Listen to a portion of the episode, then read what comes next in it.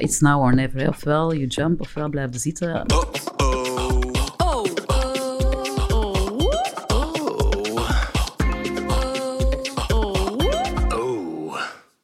Welkom bij de podcast van Only Humans, waarin we goede marketing en de mens achter die straffe marketing in de kijker zetten. Vandaag zit hier bij ons Kat Katrien Free, de Belgische Head of Sales en Marketing van MG. Het iconisch Britse automerk dat sinds 2005 onder de vlag vaart van de grootste autogroep in China, SAIC. We praten met Katrien over de herlancering van MG, dat bijna 20 jaar van het Europese vasteland verdween, maar nu helemaal terug is. En resoluut de kaart trekt van de elektrische wagens. Katrien werkte ruim 20 jaar als marketingmanager Belux bij Suzuki. Eind 2019 maakte ze de overstap naar MG. Ik ben Wouter. En ik ben Hanna. Welkom Katrien. Dank je. We zeiden het net, je begon eind 2019 eh, bij MG. Dat betekent dat je eigenlijk nog maar een paar maanden aan de slag was voor corona kwam, voor de lockdown begon. Hoe heb jij die situatie eigenlijk ervaren? Goh, evident is dat natuurlijk niet geweest. Hè. Eh, een nieuw merk lanceren, eh, een EV-merk eigenlijk, eh, want daar staat MG vandaag de dag wel voor. Lanceren in een periode dat corona eraan komt, was niet evident. We hebben het geluk gehad dat we zijn kunnen starten met het Autosalon, toch wel een heel belangrijk evenement in de automobielsector in januari. Ehm, dus dat is altijd een voordeel geweest. Maar gebouwd zaken op gedurende januari, februari en dan in maart was het corona-lockdown. Dus ja, dat is geen evidente periode geweest om, uh, om een merk te lanceren. Uh, in België, wat dat dan ook nog niet echt een EV-land, we zijn nog niet echt een matuur land qua EV. Dus uh, ja, dat was een serieuze challenge. Oké, ja. en heb je dan na een aantal maanden, als dan alles weer heroppakt, want we hebben dan een aantal golven ge gekend, uh, bij wijze van spreken gewoon terug van nul gestart? Of heb je dat aangepakt? Ja, eigenlijk was dat wel het geval, omdat je, je start op januari, februari. Oké, je hebt het autosalon, je, je target eigenlijk je privécliënteel, maar qua EV is je hoofddoelgroep alles wat fleet B2B is. Dus je moet de leasingmaatschappijen leren kennen, daar introduceren, MG is terug. Dat is, een, dat is een, nu een Chinees merk. Dus dat vraagt echt wel een heel opvoedingstraject naar de leasingmaatschappijen toe. Uh, dus dat hadden we in februari gestart. Maar ja, dan is het corona geweest. Dus ja, die vergeten dat allemaal, mm. hè, die mensen, dat is logisch. Uh, dus zijn wij terug van nul gestart in juli, augustus, terug die contacteren. Maar ja, dan is de zomerperiode, ja, dan is het al snel september, oktober. Dus ja, hetgeen dat je hebt opgebouwd januari, februari was weg en moest je terug starten september, oktober. Uh, klopt. Ja. En in 2021 is er geen autosalon geweest, of toch alleszins geen klassiek, dat mm -hmm. verhaal kennen we. Mm -hmm. um, hoe hebben jullie daar jullie weg proberen in te, te vinden? Goh, we hebben natuurlijk uh, gecommuniceerd, zoals de andere automobielmerken, uh, naar zowel privé-cliënteel als naar de fleet uh, toe. Veel digitaal gecommuniceerd. MG is ook het merk ja, dat het anders wil doen en niet mm. altijd het klassieke pad op wilt. Er zijn ook niet de budgetten voor vandaag de mm -hmm. dag. dus we proberen een gezonde combo te vinden tussen het digitale en toch het klassieke om imago op te bouwen. dus we hebben zoals de andere merken gedaan gecommuniceerd en zonder een autosalon. We hadden dan ook een tweede model dat we geïntroduceerd hebben uh, de EHS, een plug-in wagen. Ja. Wat dat wel gemakkelijker is geweest. Uh, puur EV is nog, staat nog in zijn kinderschoenen. Uh, zeker wat privécliënteel betreft. De fleet begint daar wel naartoe te neigen. Maar dat is echt nog maar mondjesmaat. dus die plug-in hybride, die markt is ook veel groter. Om een idee te geven, de plug-in hybride zitten nu rond de 16% marktaandeel van het ganse, de ganse koek, zal ik zeggen. Ja. EV is maar 4%. Ah, ja. Dus ja, dat is toch een groot verschil. Uh, ja. ja. En in, in het algemeen, hè, want je hebt dan de, de launch gehad in 2020, mm -hmm. uh, nadien terug heropgepikt. Hoe mm -hmm. reageert dan uh, jullie uh, bedrijfs, of de bedrijven daarop en de fleet daarop op die Goh, op in aanbod? Eerst, in eerste instantie verrast. Hè. MG is terug, dat is ook onze slogan in het begin geweest. Hè. MG is back, ja, klopt. Mm -hmm. dus heel veel interesse, zeker toen we op het autosalon stonden. Ook heel veel fleet managers geweest bij ons, al de leasingmaatschappijen. Allemaal heel enthousiast. Maar ook natuurlijk een klein beetje weerhoudend van, ja, het is Chinees, blijft dat wel? Dus je moet echt een, een, ja, een heel strategie opbouwen hè, van, ja, dat is een sterke groep en een heel ja, een hele uitleg geven van we blijven, we zijn er, we komen en, en we blijven. We zijn nu geïnstalleerd in verschillende Europese landen, uh, wat dat ook meer vertrouwen geeft. Dus je moet echt dat vertrouwen winnen in die fleetmarkt. En dat is niet gelijk als aan een particulier verkopen. Hè. Dat is echt een heel traject dat je moet afleggen. Ja. Blijft, ehm, blijft dat spelen ook van uh, Chinees? Hoe zit dan de kwaliteit, die perceptie die zeker vroeger wel wat mhm. leefde? Is dat iets dat nog altijd leeft? Of, of hoe... Dat leeft nog altijd, dat is menselijk natuurlijk. Ja. En daar ook weer het verschil tussen privé en fleet. Uh, privé, mensen zullen zeggen, oeh, dat is Chinees, daar moet ik niks van weten. Mm de fleet managers en de leasingmaatschappij, ja, die staan al stukken verder. Die weten van, oké, alles wat van China komt, is goed. Allee, ik vergelijk het altijd van, pak je een iPhone, dat is Chinees. Hè. Iedereen wil een iPhone en het is Chinees. Ehm, dus dat is puur perceptie. Nu, de leasingmaatschappijen weten dat ondertussen. Hè. Vroeger Chinezen zijn al heel lang bezig met EV, dus mhm. zij hebben de grootste know-how daarin. Uh, heel wat andere klassieke Europese merken, als die EV's uitbrengen, ja, dat is met dezelfde technologie, maar in China gebouwd. Ja. Maar de mensen, de eindklanten, weten dat niet. Uh, maar leasingmaatschappijen uiteraard wel. Dus zij zijn daar wel meegaander in en, en zij begrijpen dat wel meer. Uh, maar toch, ja, nieuw is onbekend, moet je overtuigen. Uh, ja, er zijn heel wat afspraken in leasingmaatschappijen met gevestigde merken. Ja. Dus dat vraagt zijn tijd om dat op te bouwen, natuurlijk. Ja. Ah, Oké.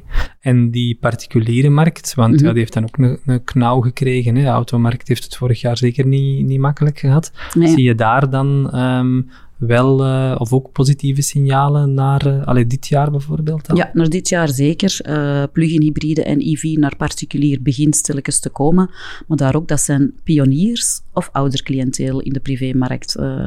Lijkt een beetje zo, de, de mensen die hun laatste wagen gaan aankopen, die zoiets, ah, voor mijn kinderen, mijn kleinkinderen, ik wil toch iets doen voor het groener zijn. Mhm. En anders zijn het de pioniers die zeggen van, ah, we gaan EV rijden. Want het blijft natuurlijk ja, toch nog altijd duurder dan, dan een klassieke benzine-diesel Dieselwagens worden er niet meer zo heel veel verkocht. Die mhm. markt stuikt in. Uh, maar benzine is nog altijd goedkoper dan EV of plug-in hybride. En particuliere mensen hebben daar eigenlijk geen voordeel aan om, om EV of uh, plug-in te gaan rijden buiten ja, het feit dat ze groener aan het rijden zijn. Maar het is voor de fleet en voor, voor de, de zelfstandigen, die hebben er voordelen bij. Fiscale voordelen, 100% fiscaal aftrekbaar.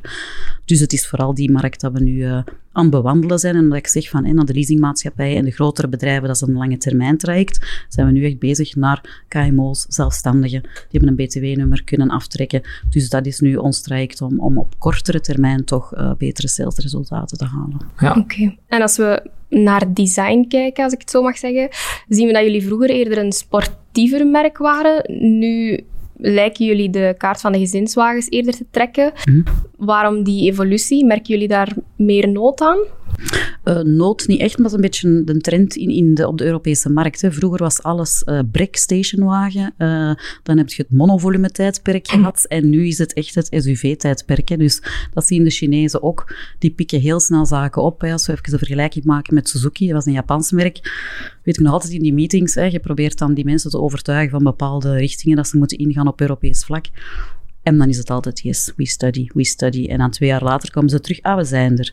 Chinezen, die pikken direct dingen op. Ik heb al in dat anderhalf jaar zaken gecommuniceerd naar hen. Dat wordt direct geïmplementeerd in Shanghai. En ik krijg een auto gelijk dat ik hem allee, quasi wil. Dus dat is, zij evolueren enorm, enorm snel tegenover bijvoorbeeld de Japanners, dat is anders. Dus vandaar dat zij zeggen van, als wij zeggen van het is SUV, hop, dan komen zij met SUV. Om de vergelijking met het oude en het nieuwe MG te maken, wat is er nog hetzelfde? Ja, dat is de badge de mhm. naam. Dus dat is een groot voordeel geweest. Want ja, als je op de markt komt met MG, dan hebben de mensen toch altijd zoiets van, hmm, interessant, dat kennen we nog. Toch bepaalde generaties. Uh, tegenover dat je met uh, Shang Shang op de markt komt, dan is toch altijd nog meer het dingen van, hoe is dat wel betrouwbaar? MG kennen ze van vroeger, dus dat is toch wel iets, een voordeel voor ons geweest. Dus dat is gebleven, de naam en de badge. Uh, en dan eigenlijk het betaalbare. Vroeger waren dat de, betaalbare sportwagentjes en mhm. nu zijn het ja, de elektrische SUV's uh, betaalbaarder dan eigenlijk de concurrenten op de markt. Ja. Mhm. Je zegt van, we hebben heel veel contact met China, ze mhm. spelen heel snel in op de dingen die we, die we vragen. Mhm. Ben je ook vrij in hoe positioneren wij, lanceren wij die wagen in de markt? Of hebben zij daar ook heel veel inspraak in? In welke mate kan je daar zelf veel klemtonen leggen? Ja, zij zijn veel directiever dan de Japanners, uh, wat Suzuki betrof dan. Ehm, ze hebben een bepaalde visie die dat ze dan ook opleggen aan elk Europees land dat uh, MG lanceert. Ze hebben echt een heel uh, uitgesproken brandboek dat moet gevolgd worden. Alles moet voorgelegd worden. Ook het verschil met bijvoorbeeld het Japanse merk is, er is een Europa tussen bij ons. Dus wij moeten alles voorleggen aan MG Europe als we bepaalde communicaties willen uitsturen, willen uh, implementeren. Um, en ook op gebied van distributie hebben zij ook een bepaalde visie. Initieel uh, was de bedoeling van alles online te gaan doen, om eigenlijk het dealernetwerk uit te schakelen. Um, dat hebben ze snel ingezien, hebben wij en andere landen hen ook van overtuigd. Daar zijn we vandaag de dag niet. Mm -hmm. Het online aankopen van een wagen, dat zal er wel ooit komen maar vandaag de dag nog niet. Dus uh, de distributie allee, is wel serieus geëvolueerd sinds we met hen zijn beginnen spreken. Initieel mochten we maar drie brandstores uh, hebben, Antwerpen, ja. Brussel en Luxemburg. Vandaag de dag hebben we er acht plus eentje in uh, Luxemburg. En dan nog een aantal servicepunten in elke provincie. Dus ze merken wel van, ja, het kan niet met maar twee of drie punten in gans ja. België. De België is nog heel klassiek en wil toch ja. gaan kijken, voelen, testrijden. Um, ja. Dus vandaar dat wij toch werken met 8 plus 1. Wat dan natuurlijk wel veel minder is dan de klassieke merken. Die zitten nog altijd met een verdelersnetwerk tussen de 80 en de 100. Mm -hmm. Maar we merken daar ook een heel sterke evolutie in, dat het allemaal begint clusters te vormen en ze beginnen toch ook veel minder dealers officieel aan te stellen. Ja. Er is een evolutie zeker ja. vast. Ja, want Stellantis is dan een van die groepen die dat dan uh, al ja. zijn dealcontracten heeft opgezegd uh, onlangs. Hè. Um, je zegt de België is heel klassiek daarin. Mm -hmm. Verwacht je dat daar de komende, ik zeg maar iets, ik weet niet, drie jaar, vijf jaar heel snel evolutie in komt? Al zien we zetten echt wel die stap naar we kopen de wagen online? Of hoe kijk je daarnaar? Ja, ik zelf kijk daar naar, van, ik kijk vooral naar de buurlanden. Ja. Engeland en Nederland, die staan altijd veel verder op gebied van digitaal. Um, wij vandaag de dag, ons België, wij kopen zaken heel veel digitaal, maar dat zijn de, de iets minder, uh, de, de, kleinere budgetten, zal ik zeggen. Ja. Maar toch begint je al te gaan naar hè, je reizen, begint je ook online te, te, bestellen. Ja, dat is ook vaak budget. Ik spreek nu met mijn familie van... Mm -hmm. Maar je pakt nu 8000 euro ja. of zo, als je echt een, een, mooie vakantie met je gezin doet. Um, de wagen is geen 8000 euro, maar vroeger kostten wagentjes ook tussen de 10 en de 12.000 euro. De kleine stadswagentjes, ja, zouden ze die vandaag de dag dan ook online kopen? Mijn gevoel zegt nee vandaag de dag, -hmm. omdat dat nog iets is van de mensen willen dat toch even testrijden. En zeker als we dan gaan naar het EV en plug-in hybride. Ja. Mensen testen elke EV, elke plug-in. Ja. Vroeger spreek dan over vijf jaar geleden, kochten mensen een klein stadswagentje, gewoon door aan een dealer, ah, ik ga er eens in zitten, oh nee, een testrit hoeft niet, want allee, mensen weten dat een duizendje niet optrekt. Mm -hmm. En de freaks die dat uh, allee, goede pk willen hebben, die hebben dat wel eens een keer met een vriend of weet ik wat gedaan. Dus er werd veel minder getest omdat ze weten, een duizend doet dat, een 1200 doet dat, mm -hmm. en, en zoveel pk doet dat.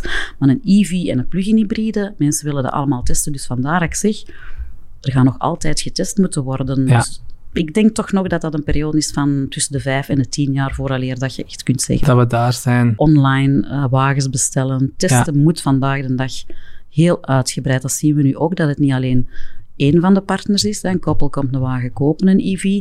Allebei gaan testrijden. Dus er Ah, ja. wordt veel... Het aankooptraject is veel langer dan vroeger. Ja, maar dat, dat testrijden is eigenlijk, in, je zou misschien klassiek denken, neemt af, maar het wordt net bij elektrisch rijden net veel belangrijker dan. Veel belangrijker. Ja, de rol van een verkoper is heel groot ook. Hè. Ja, Alles moet uitgelegd worden van A tot Z. Ik geef het voorbeeld, ik heb eh, vorige week twee wagens elektrisch afgeleverd aan een ehm, people agency. Die kwamen die halen, dat waren twee studenten. Ja, is dat manueel of is dat automaat? Ja, EV is altijd automaat. Dat is een evidentie voor ons, omdat Ja. wij in de sector zitten. Maar een student van 20 jaar die zegt van... Huh? Ja. Eh, en, en die kabel, waar moet je dat insteken? En, en kunnen dan aan elke paal laden? En, en eh, ja, mag ik op elke parkeerplaats gaan staan? Er zijn duizend vragen, maar el- onze verkopers krijgen die vragen ook allemaal.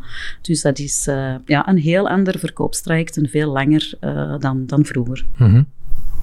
Naar het, eh, naar het gamma toe, je zegt van, ehm, of we, we- we- er zijn vandaag eh, vier wagens, hè, drie volledig elektrische. Moet je het even stellen. Eh, De ZS hebben we, dan eh, hebben we de plug-in hybride, dat Ja. is een tweede. Dan komt er, oktober komt er een nieuwe EV, een, Ja. een- ons vlaggenschip eigenlijk, dat een beetje terugkoppelt naar het sportievere. Want het is nog altijd iets hoger. Het is SUV gepositioneerd, maar toch gestroomlijnder, dat is een derde.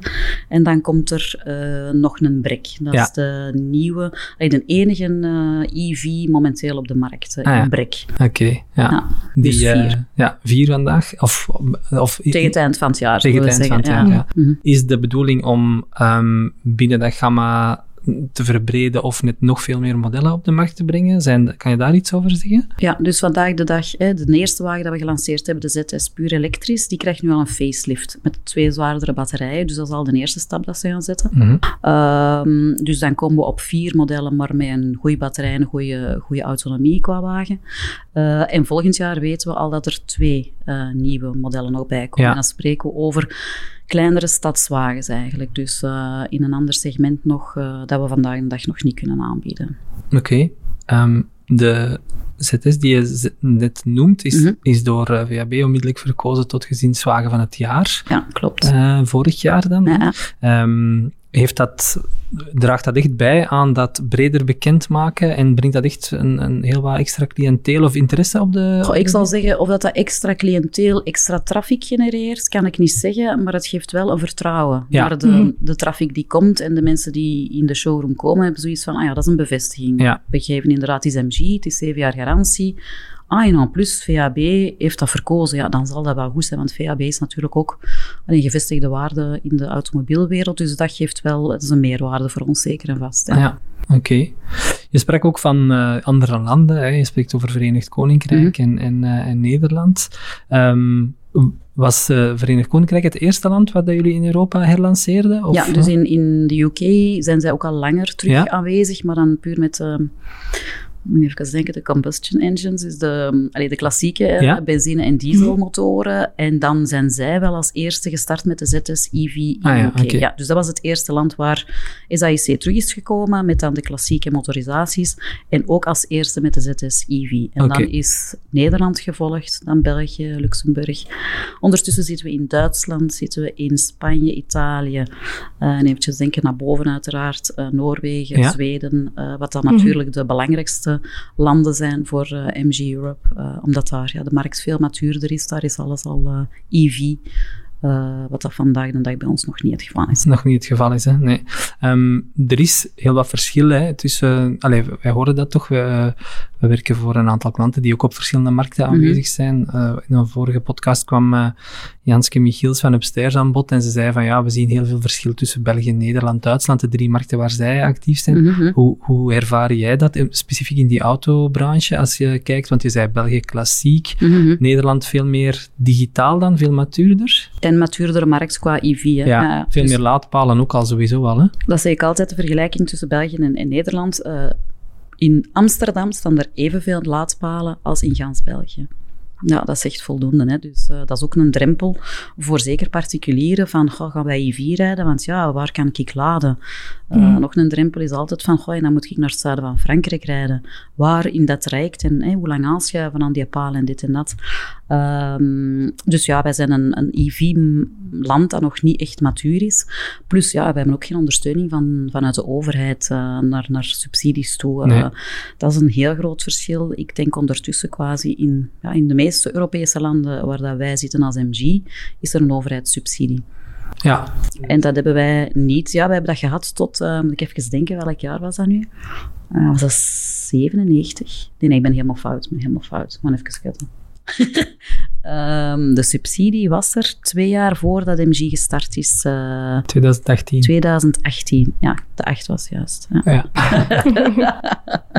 ja, dus voordien hebben zij inderdaad subsidies gegeven, maar ja, dat was dan veel te, veel te snel. Want ja, Ja. Welke merken hadden toen al eh, EV's? Heel waren weinig. er twee of drie. Ja, juist. Eh, en het is eigenlijk pas in 2020 dat eh, elk merk gestart is, ja, omdat er natuurlijk Europese regelgeving is om bepaalde CO2-waardes te halen, anders moet het merk boetes betalen. ja, Ehm, dus dan is dat in een, in een stroomversnellingetje gekomen. En dan heb je nog het jaar 2026 dat dan ook natuurlijk Ja. maakt dat er toch wel een grote push gaat komen naar EV toe. Zeker midden 2023, want dan wordt de fiscale aftrekbaarheid naar plug-in hybrides eh, gehalveerd. Nu is dat nog 100%, maar mid 2023 gaat dat naar 50%. Dus wij verwachten dat er dan terug een grotere shift gaat zijn, dat die 4% misschien naar 8 gaat gaan. ja.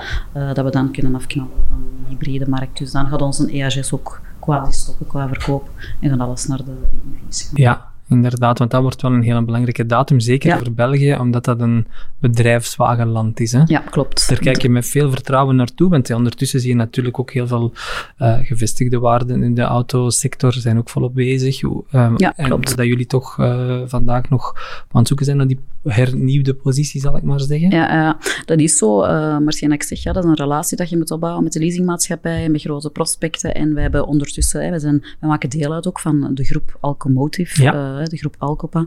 Ehm, dus met verschillende merken. Wij hebben een fleetcel die eigenlijk al onze merken vertegenwoordigt bij de grote prospecten en bij de leasingmaatschappijen. Ja. Dus dat is een groot voordeel. Zij doen dat voor ons. Uh, en wij als MG vertegenwoordigen ook uh, allee, het fleet gebeuren bij de grote prospecten. Maar dat is, dat is een goede combo, dat dat op twee vlakken gebeurt. Um, en ja, we hebben nog eventjes tijd, hè, dus uh, midden 2023. Dus 2022 wordt een heel belangrijk jaar voor ons voor te blijven zaaien, zaaien, zaaien om dan te kunnen oogsten uh, vanaf 2023. Ja, oké. En geloof je dan dat de particuliere markt ook zal volgen in de trend om elektrisch te rijden? Uh, ik heb het gevoel, dat is puur een gevoel, uh, dat dat zal volgen, maar heel, heel traag. Mm. en op het moment dat er tweedehands voertuigen in EV zullen komen die goedkoper zullen zijn, zal, zal die shift ook wel gebeuren. Maar alles hangt ook af van, van wat doet de overheid. benzine, diesel, wordt dat duurder, wordt dat goedkoper. Uh, de elektriciteit gaat dat kunnen volgen. Volgt de laadinfrastructuur. Ja, er zijn heel veel vraagtekens nog en er zijn zoveel stakeholders. de mhm. regering, uh, minister van Mobiliteit, Lia Peters. Uh, dan hebben we nog de FEBIAC, onze uh, organisatie ja, die moeten allemaal lobbyen van, van wie wilt wat en wanneer. Ja, het zijn heel veel vraagtekens. Dus de privémarkt zal volgen, maar dat zal achteraf pas volgen. En, en nu is het volledig de fleet die dat de prioriteit heeft. Mm Zijn er al uh, bedrijven die heel bewust kiezen voor dat volledig trekken van, en volledig eh, shiften naar elektrisch uh, rijden? Ik denk dat elke fleet manager in een bedrijf, groot, klein, daar vandaag de dag mee bezig is. Ja. Ook heel veel vraagtekens van hoe pak ik dat in godsnaam aan? Ja. Uh, mensen rijden allemaal benzine, diesel. Welke laadpalen moet ik voorzien? Moet ik dat bij de mensen thuis doen? Ja, dat is echt een, een groot een grote puzzel dat ze moeten leggen. Nu, er zijn uiteraard al heel wat consultingbureaus die dat daar uh, opgesprongen zijn. Uh, wij zelf ook. We, zijn, uh, we hebben nu ook allemaal laadpalen thuis en ook op het bedrijf. Dus dat is een grote luxe. Hè. Je komt thuis, je kunt thuis laden. Je rijdt naar kantoor, daar laat je hem ook op. Dat is de ideale situatie. maar grote bedrijven moeten dat ook aanbieden aan hun personeel. Want anders gaan die ook zeggen van, ja, dat is mhm. niet haalbaar hè, om dat mhm. anders te doen. Ehm, wij werken bijvoorbeeld met stroom. Dat is ook een belangrijke speler uh, qua consulting en qua infrastructuur van, van, uh, van de laadpalen. Yes. En heel wat fleet managers uh, werken momenteel met een consultant om te zien van hoe pak ik dat aan binnen mijn bedrijf en binnen welke periode. Ja.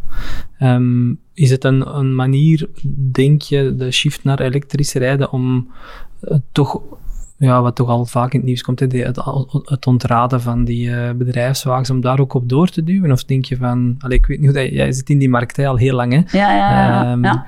Goh, ja.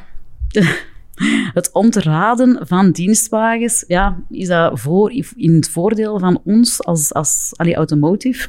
Niet echt, hè? dus ik, ik, hoop niet dat dat er komt. Nee. Maar ja, het is, het is een duur gegeven allemaal. Wie gaat dat blijven financieren? Mm Het is, een beetje een, een voordeel dat, dat elke werknemer, hè, vroeger was een bedrijfswagen voor de mensen, de commerciële, die op de baan gingen. Vandaag de dag heeft, heel breed, heel, is heel breed. Uh, maar daar ook van, ja, wat zijn de, de voordelen op gebied van, van allez, voor het bedrijf en voor de werknemer? Wat gaat de regering daar blijven in doen en ondersteunen, ja of nee? Dus daar ook weer heel veel vraagtekens. Hè? Ja, een van, als ik dan goed samenvat, is dan uh, correct als ik zeg dat eigenlijk heel veel praktische um, issues, praktische vragen, waar dat bij wijze van spreken iedereen mee kan struggelen van mm -hmm. waar laat ik mijn wagen, hoe ver rijd ik enzovoort, hoe zorg ik ervoor thuis en op het werk, dat dat hetgeen is dat vandaag eigenlijk een beetje ervoor zorgt dat er nog niet sneller die stap gemaakt wordt. Voor particulieren is dat zeker ja. vast. Hè. Mhm. Dan ook nog budgetair, hè. dus het blijft nog altijd duurder dan de klassieke -hmm. benzinewagens. Um, en voor bedrijven is het een struggle van hoe moet ik dat allemaal implementeren? Uh, ik denk de grote spelers, pak nu Proximus en zo verder, die hebben een heel groot wagenpark. Die zijn daar al drie, vier, vijf jaar mee bezig om te zien, want dat komt eraan, hoe pak ik dat aan? Maar de iets minder grote bedrijven, ja, die starten nu en die denken, ja, 2023, hmm, dan kan ik geen plugin, plugins niet meer nemen. Maar dat traject, ja, daar zijn die nu pas mee gestart. Ja. Um, Ja. Maar die str- i- iedereen struggelt van, van wat moet ik doen in godsnaam, Ja. als, zowel particulier als bedrijf. Oké. Je zegt grote bedrijven zijn daar toch al drie, vier jaar mee bezig. Mhm. Daartussen is dan corona gekomen. Voel je eigenlijk ehm, een impact op MG en op het elektrisch rijden van de coronacrisis en, en misschien hoe bedrijven naar het wagenpark kijken? Goh, natuurlijk, corona heeft niemand goed gedaan, financieel ook niet. Dus ja, alles wat dat de shift naar EV betreft, vraagt een financieel Mhm. ja, extra belasting voor een bedrijf. Omdat je die infrastructuur moet voorzien in je bedrijf, bij de werknemers. Dus dat dat een vertraging in dat proces heeft gestoken, ben ik 100% van overtuigd. Ja. En denk je dat bedrijven misschien ook, mm, toch heel wat bedrijven gaan meer inzetten op telewerk, dat dat een impact gaat hebben op het aantal bedrijfswagens? Ja, ben ik ook wel van overtuigd. Eh, dat is een shift, ja. Dat is een beetje het voordeel geweest van de corona, denk ik. Heel wat bedrijven dat nog heel klassiek dachten op gebied van eh, home office en zo verder.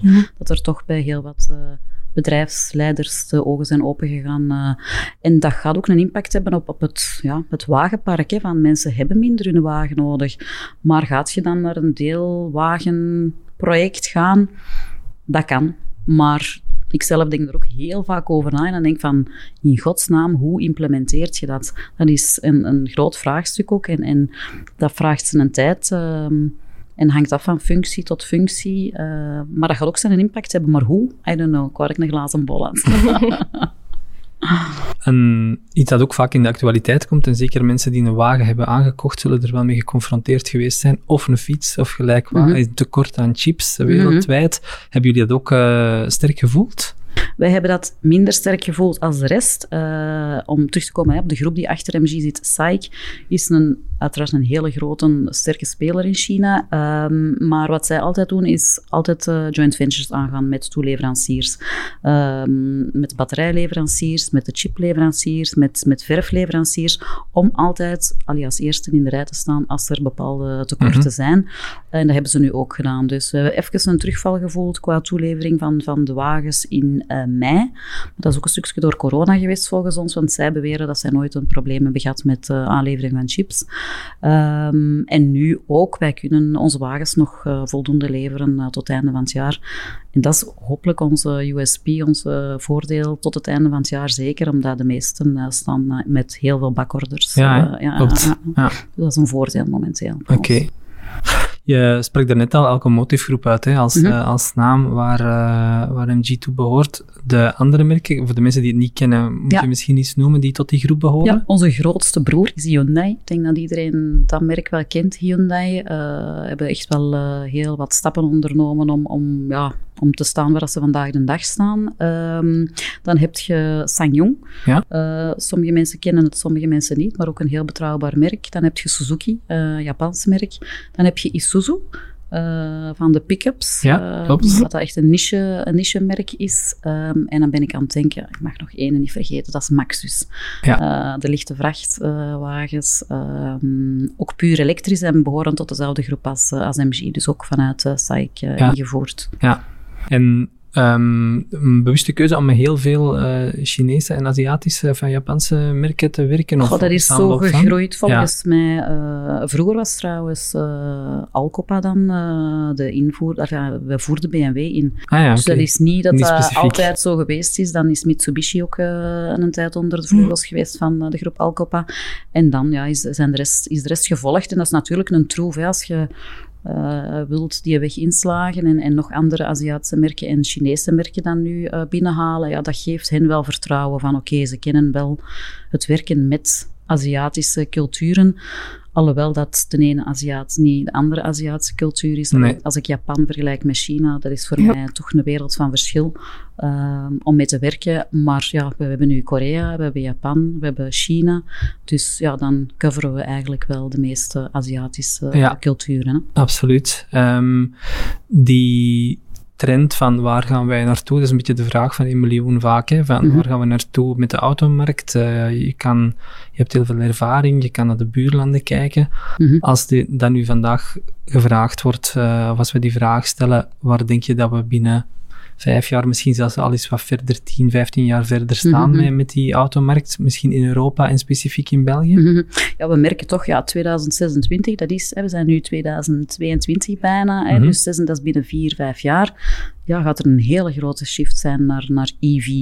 Ehm, verder dan dat kijken, ja, dat is een hele moeilijke, vind ik, eh, omdat je met die factoren, die, die randfactoren zit, die dat je niet in de hand hebt, van wat doet de regering, wat doet het elektriciteitsnetwerk, eh, hè, want waterstof is daar een, een toekomst in. Ja, Ja, daar, daar, momenteel staat het op een laag pitje. Iedereen is gefocust op die EV. Maar voor hetzelfde geld eh, is er terug een switch binnen vijf of tien jaar naar waterstof of naar iets anders. ja. Ja, benzine en diesel denk ik dat eh, vandaag de dag... Allee, dat dat niet meer zal terugkomen. Maar ja, you never know. Hè, dat, eh, dat is zo. ja.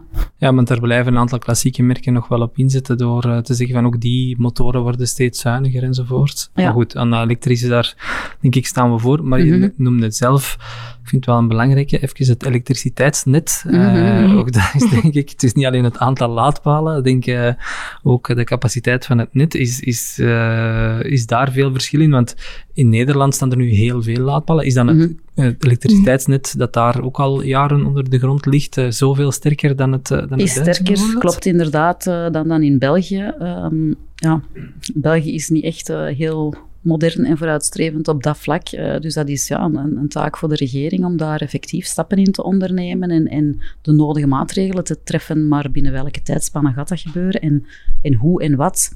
Ja, dat eh, is, is heel moeilijk om, om ja, een, een mening over te hebben eigenlijk vandaag de dag. Ja. Was dat een, een land, eh, Nederland, waar je zegt van daar zijn we echt eh, volle kracht gelanceerd? Eh, want dat is ook in 2000, wat al vroeger denk ik, Ja, hè? iets vroeger, ehm 2019 op het einde, hebben wij ons contract getekend. Zij zijn gestart, volgens mij de zomer 2019. Eh, zij zijn veel beter gestart als België.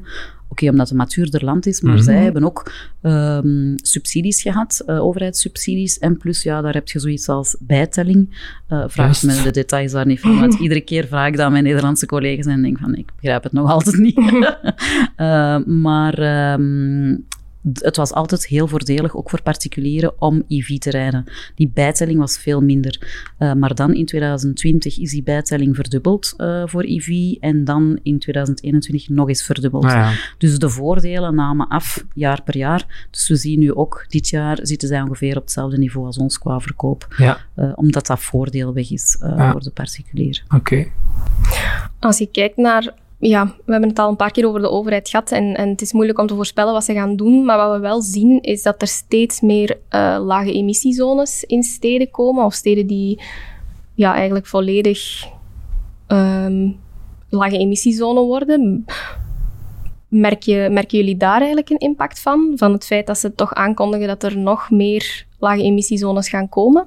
Dat is natuurlijk een voordeel hè, voor EV-merken, hè, eh, omdat ja, je kunt niet meer binnen in, in de steden eh, zonder een wagen onder een bepaalde norm. Ehm, en ja, je merkt ook dat bepaalde steden stukken beginnen afsluiten. hè. Grote parkings eh, rond de steden komen meer en meer op. Die worden allemaal uitgerust met laadpalen. Ik denk dat dat Mhm. ook heel veel zegt. Ehm, dat ze daar echt wel klaar voor zijn. Hè, van van oké, de steden niet meer in. En hoe rijd je dan naar die parkings rond de steden? Ja, liefst met een groene wagen, EV of nog eventjes plug-in hybrid. Ja, oké. Er wordt dan wel soms kritiek gegeven op het feit dat die parkings dan heel duur zijn. Mhm. Ehm, denk je dat als, als de parkingprijzen blijven stijgen, dat mensen zouden kiezen voor ja, met openbaar vervoer komen, enerzijds, of misschien dat dat op lange termijn een impact op, op jullie kan hebben? Ehm, dat kan een impact inderdaad hebben. Je moet altijd denken van wat doen particulieren of eh, bedrijfsmensen. Eh, je moet natuurlijk naar je bestemming geraken. Je zegt, eh, die, die parkingprijzen zijn hoog.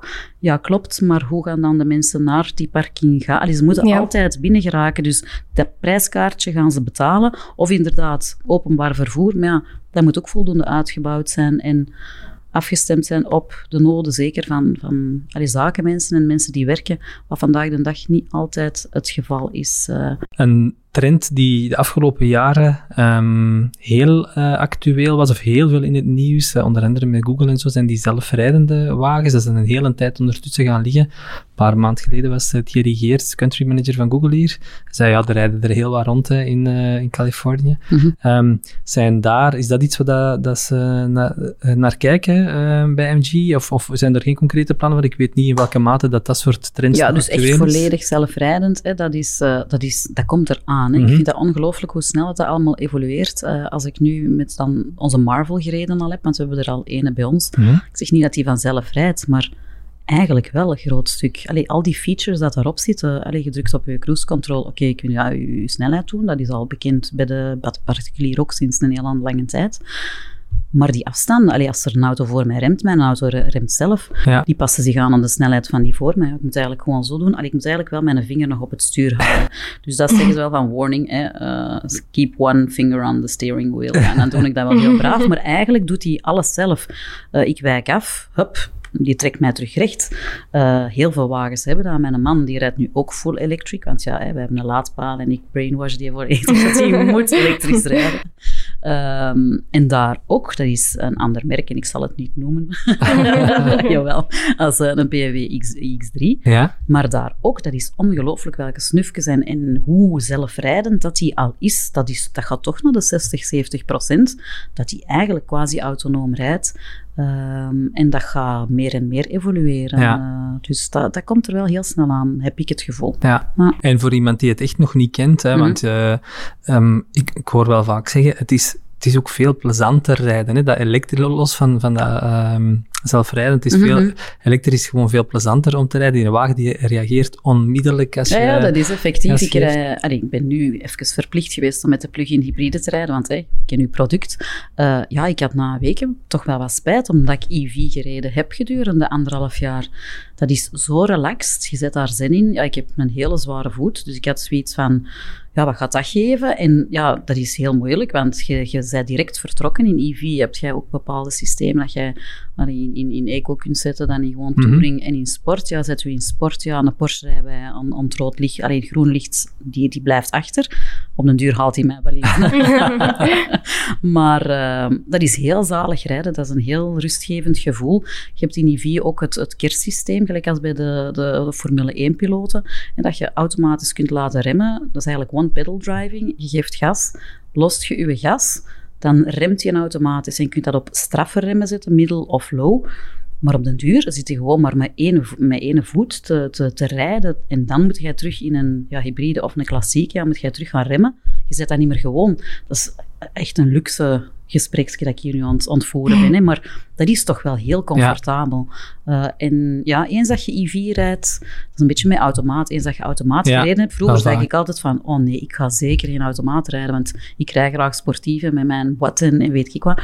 Maar nu, dan rijden automaten, zeg je, oh, ik ga nooit meer terug manueel. En nu de next step is, als je EV gereden hebt, ga je nooit meer naar, uh, ja. naar de andere toe. En, en hoor je dat ook bij klanten, dat als ze dat gewoon zijn, dat ze dan andere, dat ze bij wijze van spreken dat gaan uitdragen en andere dat is ook wel zo. Ja. En dat is niet puur voor MG, maar nee, nee. voor al de elektrische merken. De, de klanten zijn heel tevreden, omdat het, ja, het is echt een, een luxe... Ja, het is aangenaam rijden. Uh, ik zou zeggen, we zullen testritjes inboeken hè, voor jullie. ja. Um, als je kijkt naar um, ja, de klassieke periodes in, in die autosector en in marketing, hè, want mm -hmm. daar hebben we het nog niet over gehad, over marketing mm -hmm. in, in, jullie sector. Uh, het salon, open deurdagen, september als actiemaand, dat zijn er zo drie die altijd wel zeker terugkomen. Mm -hmm. um, Zie je dat absoluut zo blijven? Of merk je van, uh, corona heeft dat ook wel helemaal door elkaar geschift? Of is dat iets typisch Belgisch? Um... Dat is iets typisch Belgisch. Uh, dat is ook ja, rond het autosalon natuurlijk dat dat gebouwd is. En dat is een traditie. En, en de Belg weet dat. Uh, in januari zijn het koopjes en in februari mm. lopen die nog uit. En dan stopt dat. En dan komt er nog wel eens een open deur. En dan als inderdaad de kinderen naar school gaan, zijn terug acties bij de auto's. dat is zo klassiek. Oktober verkopen wij nog, maar november, december totaal niet meer. Nee. Je zegt van, hey, is daar een beetje een shift door corona of andere factoren? Een klein beetje. Sinds vier jaar, denk ik, beginnen de automobielmerken ook in december te communiceren van, er zijn pre-saloncondities. Ja. Dus we beginnen nu ook al in december terug te verkopen of testritten te doen, dat verkoopsgesprek op gang brengen, contact onderhouden met uw prospect en dan kunnen we gemakkelijker afsluiten in januari. Ja. Vroeger begon de pas in januari en sloot je af in februari. Dus dat is een beetje naar voren Maar die klassieke periodes blijven nog wel. Maar ja, dat is ook een beetje typisch Belgisch, denk ik. Ja. Ehm, allee, als je kijkt naar de FMCG bijvoorbeeld, die hebben ook klassieke periodes. Zeker. Allee, op tv adverteren in januari is het goedkoopste voor ons. Heel raar, maar dat is omdat heel de FMCG plat, platter ligt. En, en dan is het goedkoper voor ons. Ehm, dus die hebben ook hun, hun waves van Ja. communicatie en van meer commerce. Eh, dat is sectorgebonden. Ja, wat dan wat minder eh, klassiek is of wat minder traditioneel, is wat je daarnet zei met dat dealernetwerk. Hè. Je Mhm. zegt van, we hebben er eh, een achttal, denk Ja. ik, plus één in Luxemburg. Eh, misschien nog wel eens interessant, want dat weet ik niet. Is de Luxemburgse markt ook nog anders dan de Belgische? Of Ja. volgt die heel hard? Nee, nee, dat is echt totaal andere wereld. Ah, dat is, allee, vroeger dan als ik echt puur communicatie-marketing deed, dan helemaal in het begin dan dacht ik, oh, mijn Belgische campagne, copy-paste voor Luxemburg, klaar, eh, gemakkelijk. Ja, nee, dat, dat werkt echt totaal niet. Luxemburg is een volledig andere markt, ander profiel, eh, zijn heel high-end. Eh, ze willen echt het laatste snufje dat op de markt komt. Ehm, geld speelt geen rol, is misschien kort Ja. door de bocht, maar eigenlijk Mhm. is het wel. Dat is een hoger profiel qua, qua klassifiering. Ehm, dus je kunt echt geen copy-paste doen. Nee. Eh, dus dat is een beetje het nadeel van ons in Luxemburg. We zijn eigenlijk te goedkoop. Eh, ja. Omdat een ZS, de huidige ZS, de, waar we mee gelanceerd zijn, was 30.000 euro. Ja, dan hebben ze zoiets van, ja, nee, dat mag wel wat duurder zijn. Ehm, dus wij kijken nu uit naar de Marvel, wat dat echt wel het paradepaardje is van eh, MG. En dat gaat wel zeker aanslagen Ja. eh, in Luxemburg. Dus ja, compleet andere markt. Ah, Ja, ja, wel Mm. boeiend. Wat, wat ik dan eigenlijk naartoe wou was, eh, je, hebt dan, je hebt dan acht dealers of acht punten bij wijze van spreken in Mhm. België. Dat was dan minder klassiek dan de andere. Ja. Ehm, maar naar jullie cliënteel toe, ehm, mensen zijn dan wel bereid om zich makkelijker verder te verplaatsen dan, omdat het dan een bewuste aankoop is, Ja, eh, zeker zijn ze, zijn, allee, willen ze dat of doen ze dat? I don't know. Ehm, wil ik eigenlijk meer punten? Ja, maar Europa zegt nee. Eh, want we zijn geëvolueerd van we gaan online verkopen naar er mogen er twee in België zijn en één in Luxemburg. Dan zijn we kunnen komen naar acht. Eigenlijk is de bedoeling om één in elke provincie te hebben. Mhm.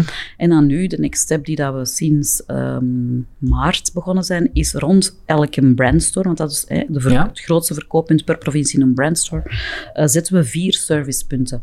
Eh, maar daar is ook expo van onze MG's, daar kun je ook testrijden. En dan wordt er verkocht via de brandstore. Dus we hebben wel die proximiteit. Dus als je zegt van, hè, we hebben dan vier, één, eh, vijf punten eigenlijk per provincie, maal negen provincies, ja, dan komen we... Eigenlijk willen we evolueren naar een 40, 50 punten max. Wat dat wel minder is dan de klassiekers. Maar een België heeft toch nog wel... Ja, proximiteit nodig, of hoe noemt je dat? Die Eh, nabijheid ja, nodig, Die nabijheid eh, eh, ja. nodig, ja. En waarschijnlijk nog veel meer voor service dan het echt voor, Ja. voor de aanschaf van de wagen. Ja, toch klopt. nog wel, en die eh, servicepunten zijn ook noodzakelijk naar het fleetgebeuren toe. Ja. Zij eisen ook dat er eh, per provincie eh, twee of drie servicepunten zijn voor het gemak van hun cliënteel, van de bedrijven. van Oké. Mhm. ja. Ja. Ehm, ja, als we eens naar, naar jouw eh, carrière kijken, want we hebben al veel over het merk gesproken en rijden en auto's en, en noem maar op. Ehm, want eh, we hebben in het begin gezegd, ja, je hebt de overstap gemaakt van Suzuki naar MG, Ja. maar na ja, 21 jaar bijna, dat is toch wel... eh, Trouwe werknemer. Ja, absoluut. en nog altijd binnen de groep. Ja, ja. Ehm, hoe, van waar die overstap en, en hoe heb je dat ervaren?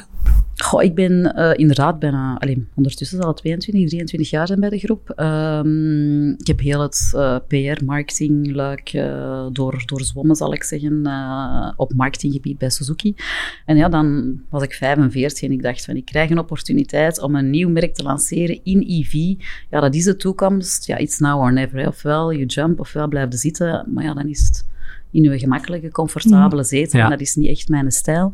Um, dus had ik zoiets van, ja, let's jump in en we zien wel wat het geeft. Uh, zoals ik in het begin zei, van, ja, het is toch een serieuze uitdaging geweest en nog altijd. Maar boeiend, hè? we hebben ons nog geen dag verveeld. Het klein team waarmee we gestart zijn, ik ben met twee juniors gestart, die zeggen ook waar we nu staan, anderhalf jaar later, dat is zot. Dat is een rollercoaster waar we op gezet zijn en die blijft maar lopen en draaien.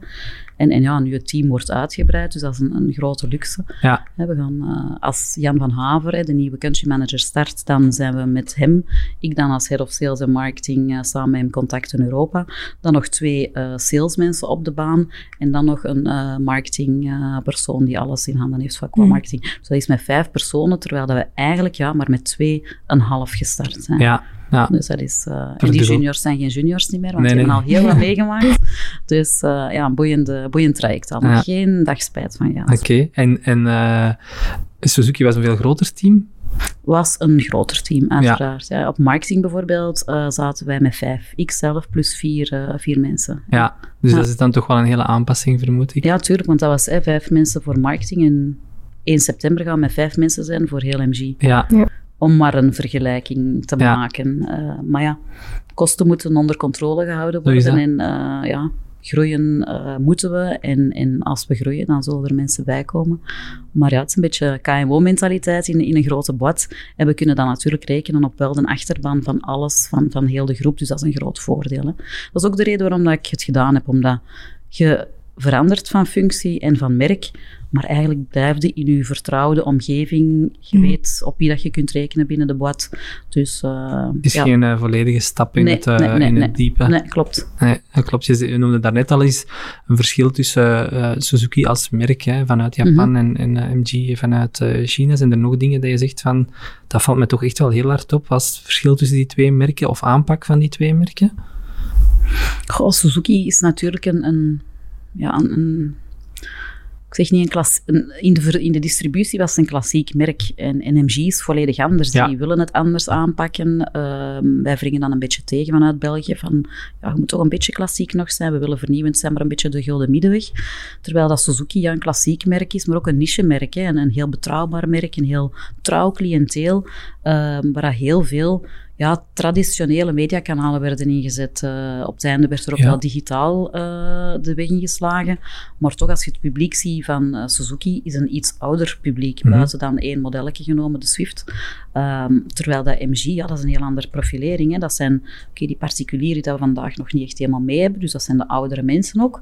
Maar dan dat fleet gebeuren, die leasing, dat is een volledige nieuwe wereld. Dat is helemaal anders. Dus dat is toch wel een heel verschil qua aanpak en qua ja, strategie. Oké. Ja, een groot verschil. Maar merk je dan toch dat die ervaring bij Suzuki je nu heel veel kan helpen? Uiteraard. Dat, um, allee, hetgeen dat je leert in heel je carrière, neemt je altijd mee.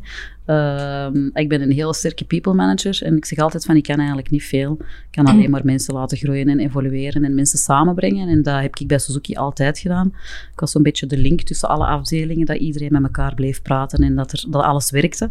En ja, als je dat natuurlijk moet doen met een klein team en dat teamje groeit, ja, dat geeft een enorme boost. En daar heb je wel iemand voor nodig die dat gewoon aan die kar trekt en iedereen voort wilt helpen duwen. En, en dat heeft mij echt wel eh, geholpen tot hiertoe, zeker. Ja. Oké. Er wordt wel eens gezegd van de autowereld dat het een, eh, een mannenwereld is. Voel je dat ook? Is dat nog altijd het geval en hoe ga je daar eigenlijk mee om? Goh, ik denk dat dat in veel bedrijven nog wel is mannenwereld, maar bepaalde niches, gelijk als uh, agencies, media, communicatie, marketing, is ook al is 50-50 of zelfs vaak meer vrouwen. Als ik denk aan Suzuki-tijd, waar wij met allemaal vrouwen op een bepaalde periode. En dan heb ik nog eens twee mannen aangepakt. Ik dacht, we gaan nog links pakken. um, en merk je dat, ja, hoe sta ik daar tegenover? Ik heb zoiets van, ik werk zowel graag met mannen als met vrouwen. Hangt gewoon van het karakter af. Allee, mhm. Als, mhm. als er power en, en energie in zit, of dat dan nu een man of een vrouw is, ja. Maakt mij echt totaal niet uit. Het moet een goede vibe zijn en uh, zolang dat, dat er is, uh, kun je een bad draaiende en, en laten evolueren. Hè. Ja. Wat inspireert u? Als je zegt van uh, waar haal je energie uit? dan kom ik eigenlijk terug op het vorige. Alles wat aan mij een boost geeft, mensen die dat energie hebben, daar trek ik ook energie uit. Ik zal ja, ik zal mij altijd omgeven met mensen die dat energie uitstralen en ambitie hebben, op gelijk welk vlak. Dat moet niet carrière zijn altijd, maar gezinsboosten, uh, op, op alle vlakken. Mensen die energie en, en, iets willen doen in hun leven, iets willen bereiken. Ja, dat, dat inspireert mij wel en daar haal ik echt energie uit. Oké. En is er naast heel het professionele stuk ook nog tijd voor jou voor hobby's, nee. andere dingen? Nee. nee. nee. Waar je liefst al energie uit haalt? Uh, ja, toch wel. Allee, bedoel, ja, ik ben heel sociaal. Denk, als je people manager bent, dan, dan ben je heel sociaal.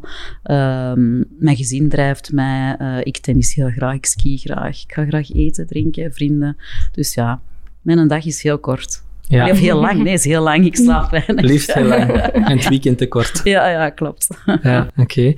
Okay. Um, zijn, er, uh, zijn er zaken die jou uh, in de sector uh, specifiek misschien, initiatieven die genomen zijn of dingen die je gezien hebt, die je zegt van, ja, dat, dat heeft me toch wel geraakt of dat, dat vond ik toch wel bewonderenswaardig of dingen die je de afgelopen ja, tijd? ik heb daar even over nagedacht. Ik heb daar eigenlijk zo geen direct antwoord. Dat ik zeg van, hetgeen wat dat mij raakt of wat dat mij vooral boeit en, en, en verder drijft, is gewoon die hele evolutie, dat dat zo snel gaat. Mm. En dat triggert mij en dat heeft zoiets van, goh, je moet zoveel rekening houden met zoveel factoren. Mm -hmm. En die switch die dat gaat komen in het ja, anders werken, anders leven, anders rijden, anders aankopen, dat vind ik heel boeiend. En dat, ja, dat is misschien hetgeen wat dat mij wel in deze sector, maar dat is voor iedereen en eigenlijk in elke sector. Er is nu zoveel aan het veranderen op heel korte tijd, dat dat wel heel inspirerend is, uh, Oké. okay. um, ja, tot slot hè, wil ik misschien nog eens vragen. We staan bij Only Humans voor merken menselijker maken. Um, dat proberen we in allerhande facetten uh, in communicatie en marketing te doen. Mm -hmm. um, als jij iets zou moeten noemen waarin dat je zegt, voor mij is daarom MG een merk dat actief bezig is met menselijke communicatie of daar, heel of daar toch aan werkt, zijn er zaken dat je uh, kan noemen? Ja, ja, ik had de vraag niet, niet goed begrepen eigenlijk. Dus Only Humans is bezig met het menselijker maken van communicatie. En, en of hoe... Menselijker maken Ja. van merken. Hè? Ja. Die merken zijn als, zijn als mensen en, com- en connect, je connecteert met een Ah, merk zoals dat je ook met andere mensen connecteert. Met sommige heel vlot en andere niet goed. Mhm. Ehm, als je zegt van, eh, het het zijn misschien gewoon voorbeelden uit de praktijk, waarvan Mhm. je zegt van, kijk, daar eh, communiceren wij echt op een menselijke manier Mhm. eh, naar onze klanten toe. Dat Mhm. kunnen particulieren zijn, dat kunnen fleet eh, klanten Mhm. zijn. Ja, ik zal zeggen, alles qua communicatie gebeurt natuurlijk vanuit Europa. Dus dat is een beetje het verschil ook met Suzuki. Daar konden wij echt ons menselijk, onze menselijke stempel drukken en doen hoe dat wij het wilden. Bij MG is dat niet het geval. Eh, het enige wat ik kan zeggen vanuit MG en vanuit dan de, onze groep MG van hier in België is dat wij heel sterk eh, communiceren met onze brandstores. Ja. Dat zijn eigenlijk partners van ons en dat maakt ons wel heel menselijk en dat horen we heel vaak van, ja, dat is een heel andere approach dan de grote klassieke merken. Ja. We staan heel dicht bij die mensen. Ik zeg niet dat dat dagelijkse sparringpartners zijn, maar als er bepaalde beslissingen genomen worden, ja, dan, dan consulteer ik hen echt wel. Dan neem ik drie, vier brandstores en dan gaan we even een brainstorm doen van hoe pakken we die lancering aan, wat vinden hiervan, daarvan. En dat wordt wel heel erg geapprecieerd. Want ja, het is een grote uitdaging waar dat zij Mhm. ook voor staan. Hè. Zij moeten die shift ook maken. En zij merken echt wel vanuit MG, ja, wij zijn één team. Ja. Uh, en dat maakt MG wel eigenlijk menselijk ten opzichte van sommige andere merken, denk ik. Wat Oké. dat een voordeel is. Ja. Mooi voorbeeld. Uh, dankjewel. Graag gedaan. Uh, Catherine, Het was om van, leuk. vandaag bij ons uh, te gast te zijn. Ik heb spijt dat dat gedaan is. Ja, uh, het is een, uh, ik vond het heel boeiend. Ik denk dat, dat we veel ge- geleerd hebben over het merk, over de, over de sector en ook over, over jou als persoon. Mhm. Um, dus bedankt voor de, voor de bijdrage. Graag gedaan. Ten slotte geef ik graag nog even mee dat, we, uh, dat Only Humans een maandelijkse podcast is. En voor een volgende aflevering hebben we opnieuw een inspirerende gast weten te strikken die weet wat een sterk merk inhoudt. Jullie op de hoogte blijven, abonneer je dan via favoriete app en beluister ook onze vorige aflevering en vergeet ons niet te reviewen of te raten. Uh, zo vinden ook andere luisteraars de weg naar onze podcast. Merci dat je luisterde en tot de volgende.